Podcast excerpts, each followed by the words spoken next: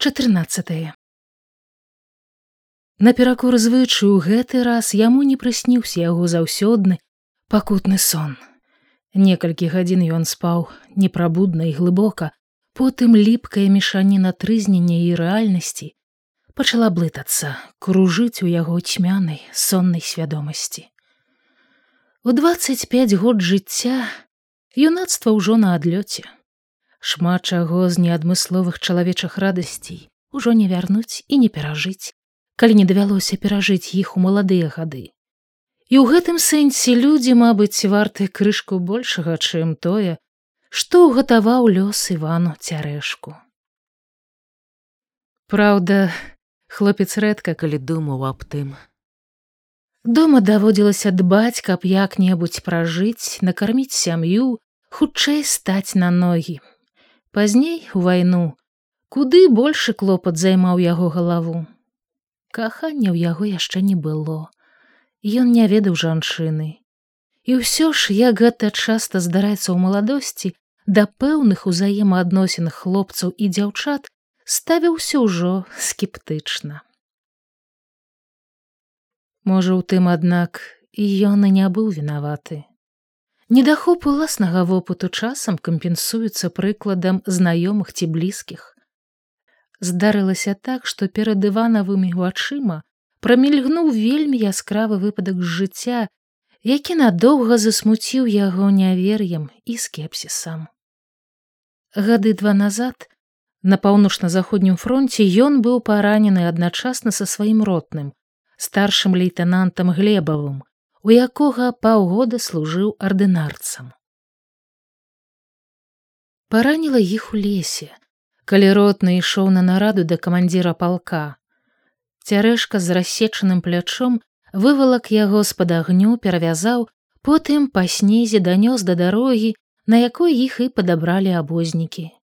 Іван з сваёй лёгкай ранай увогуле адчуваў сябе ніштавата, а вось з ротным справа была куды горш старшы лейтенант збялеў як палатно амаль не размаўляў. Толькі попрасіў каб адправілі адразу ў шпіталь мінаючы дывізійны санбат. Ардынарац разумеў турботы камандзіра. Глебаў не хацеў палохаць анютку. Тоненькую шырока раскрытымі вачыма дзяўчынку нядаўняга сан інструктара іхняй роты а цяпер мець сястру ў санбаце Усе ведалі, што ў яе з глебавым ніякая там гульня ў заляцанкі, а самае сапраўднае каханне. Менавіта таму ротны дамогся яе пераводу ў санбат, дзе было ўсё ж зацішней, чым на перадавой. Аўтаматчыкі роты таксама па-свойму любілі дзяўчыну, паважаючы камандзіра мусілі паважаць яго каханне. Што датычыць ардынарца цярэшкі, Дык ён бліжэй за іншых быў шляротнага, дужа прывязаўся да гэтай дзяўчыны. Так сталася, аднак, што абмінуць санбат было нельга. Дзе ўжо там весці параненага ў шпіталь, калі Іван спалохаўся нават ці паспеюць яны дабрацца хоць да санбата. Коні шпарка неслі па наезджанай саннай дарозе, а Іван усё пакрыкваў на ездавога, старога нехлямяжага байца ў дзвюх ватоўках пад шанялём, каб той паганяў хутчэй. Глебаў пачаў забывацца, трызніць, лаяцца. Ардынарца ён не пазнаваў ужо, як не пазнаў і анюткі, якая з крыкам упала на сані, калі яны пад'ехалі ўрэшце да вялізнай брызентавай палаткі санбата. Гэта быў дужа пакутны вечар, Іван на ўсё жыццё запомніў кожную драбніцу яго. Зорнае марознае неба змрочныя елкі неадлучны пах дыму ціхую гаману людзей у палаце і болей за ўсё вялікае няўцешнае гора анюткі. Яе не пусцілі ў аперацыйную. Але ў накінутым на плечак жушку яна ўсё імкнулася туды і ўсё спыняла сясцёр што выходзілі з маленькай палаткі Іван таксама сядзеў на пяньку ля ўвахода і, забыўшыся на боль свае раны, лавіў кожную вестку аб стане ротнага. А весткі былі кепскія. Аперыравалі старшага лейтенанта доўга і цяжка.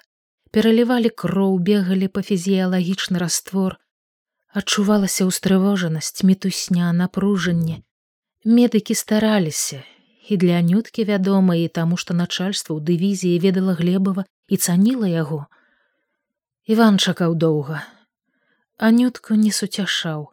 Самому было болей чым кепска. Толькі курыў пакуль не апусцеў партабак. Глебаў памёр у час аперацыі. Яму нават не паспелі накласці швы. Ад нечаканага гора нешта спарахнела ў іванавай душы хлопец сам ажно дзівіўся што гэтак трудна абышлася яму тая страта лічыў што яго псіхіка за вайну даволі прывыкла да смерцяў мусіць яго перажыванні множыліся чужым горам. Анютка некалькі дзён не дзяжурыла, не паказвалася да параненых і ніхто яе не асуджаў за гэта. Наадварот, хлопцы на ложках насілках у вялізнай як пуня палацы з павагаю казалі аб такой дзявочай прывязанасці. Іван толькі маўчаў. У гэты час у яго пэўна і нарадзіліся своеасаблівыя адносіны да яе. Не, гэта было зусім не каханне. Тое, што ён адчуваў, хутчэй нагадвала ўдзячнасць дзяўчыне за яе беражлівасць да свежай памяці ротнага. За доўгія зімовыя вечары, праведзеныя ў санбаце, ён бадай зусім адвык жартаваць, усміхацца. Толькі бясконца смактаў цыгарку з маршанкай, ды глядзеў на агністае мільганне ў печы, змайстраваны з жалезнай бочкі, якую да чырвані напальваў санітар па прозвішчу ахметшын. Занюткай пасля таго вечара яны амаль што не размаўлялі. І без таго вельмі добра адчуваючы душэўны стан адно аднаго. Пачаўшы пасля нядаўняга перапынку дзяжураць, яна зусім страціла сваю заўсёдную жвавасць і стала не па гадах задуменнай і строгай. Агульнае гора зрадніла іх ціхай маўклівасцю. Іван у чым колючы памагаў ёй у час яе дзяжурстваў. Хлопцы разумелі ўсё і хоць ён ніколі ні з кім не сварыўся, ніхто з іх не распускаў пры ім языка наконт гэтай дзяўчыны. Калі трохі падгаілася рана, ён падвязаў на грудзях руку і стаў выходзіць з палаткі. Разам з ахметчыным брыў на ўзлесак да зруйнаваныя вёскі дзе быў вялізны нямецкі могільнік, пакінуты фашыстамі ў час мінулагодняга адступлення. Сотня, а можа тысяча крыжоў выстраіліся гектарах на дзесяці, як не зірні ўздоўшу поперак або наўкос, усё роўненькія, як на парадзе рады. Хлопцы секлі крыжы і валаклі да палатак. Яны былі з неакоранай падсохлай бярозы і добра гарэлі, паліць імі печы стала любімым заняткам ивана дужа ўжо спакойна было глядзець як старанна нішчу агонь апошні гэты напамінак аб чорнай навалачы што прыдбала сабе такі бясслаўны канец на рускай зямлі. Звычайна позна ўвечары управіўшыся са справамі анютка садзілася да яго на насілкі і таксама пазірала ў агонь. Хто-небудзь у гэты час апавядаў у цёмным кутку пра страшныя з вайны або пра вясёлае з даваеннага мінулага. І так было добра. Але час ішоў параненыя ў санбаце мяняліся адных эвакуіравалі далей у тыл другія падгаіўшы раны выпісваліся на перадавую і аднойчы невялікая на першы погляд перамена ўраз парушыла ўвесь лагодны спакой гэтай палаткі. Неяк пасля абеду, калі Іван узяўся збіраць брудныя кацялкі і міскі, каб аднесці іх на кухню, ля ўваходу ў палатку пачуліся галасы, тупат і двое санітараў увалаклі насілкі з параненым. На насілках пад кажушком ляжаў маладжавы яшчэ камандзір з двума шпаламі ў чорных пятліцах. Як даведаліся потым быў ён з танкавай часці, якая падтрымлівала іх дывізію. Маёра пачалі ўладкоўваць у куце. Распараджаўся гэтым сам камісар санбата. Іван трохі падзівіўся з такое ўвагі і панёс сабе посуд. Калі ж ён неўзабаве вярнуўся, маёр ужо сядзеў на насілках. Угрэўшыся, ён скінуў сябе аўчынную камізэльку, і з-пад яе на шырокіх грудях важна бліснула бадай што паўтузіна ордэнаў. Хлопцы ў палаце прыціхлі і з цікаўнасцю павярнулі галову ў яго бок. Лёгка параненую абедзве нагі маёр аказаўся бойкім на язык чалавекам.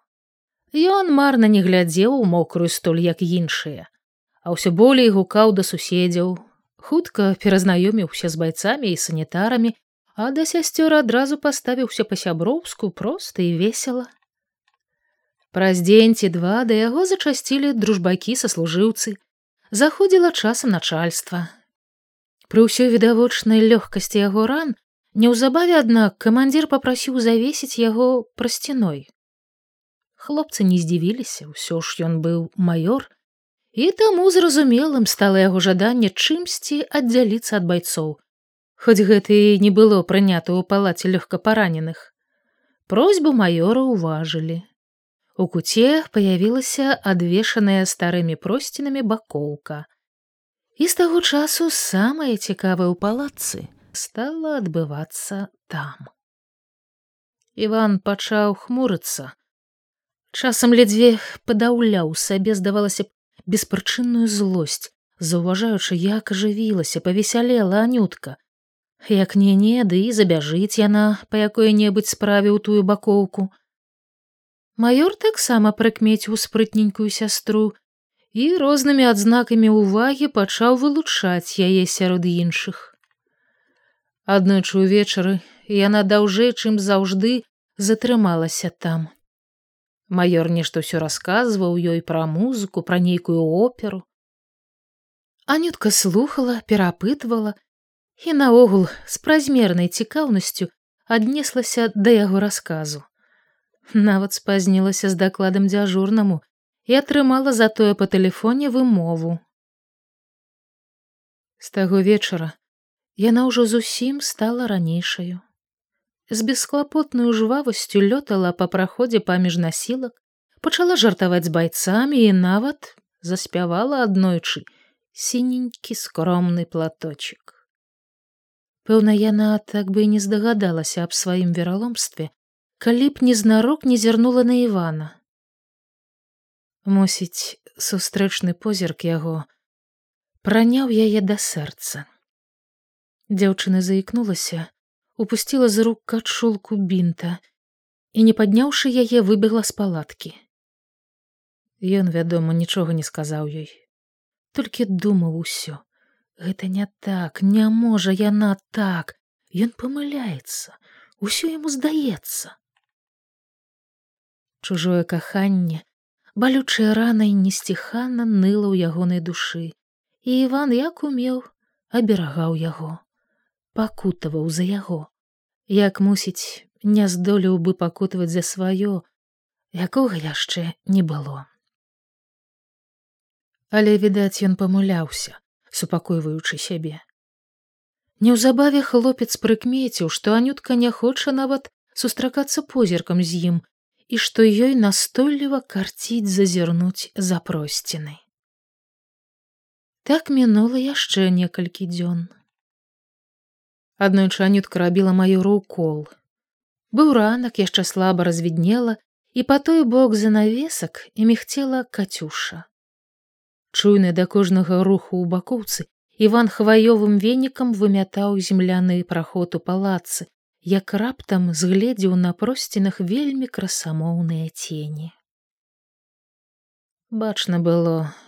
Анютка спалоха нарванулася з учэпістых рук маёра але затаілася і не крыкнула. Іван міжвольна скалануўся, нібы яго працяло токам, потым з невядомую злосцю вылаяўся, кінуў пад ногі венік і пляснуўся ніцма на свой праседжаны ложак. Ён ляжаў доўга і не чуў, што рабілася ў палацы. Не ўстаў снедаць, а калі ранішняя метусня ўлеглася, сабраў сваё адзенне, завязаў рэч мяшок і ні з кім не развітаўшыся пайшоў на дарогу а поўдні ён быў ужо ў роце Старшына, які праз дзень ездзіў у медсанбат па яго прадэтэстат, прывёз адтуль непрыгожую плётку пра загадкавы цярэшкаў выбрык. Хлопцы трохі пакпілі ды і супакоіліся. А Іван усё моўчкі курыў. Ён думаў, што ніхто не зразумее, што адбываецца ў ягонай душы.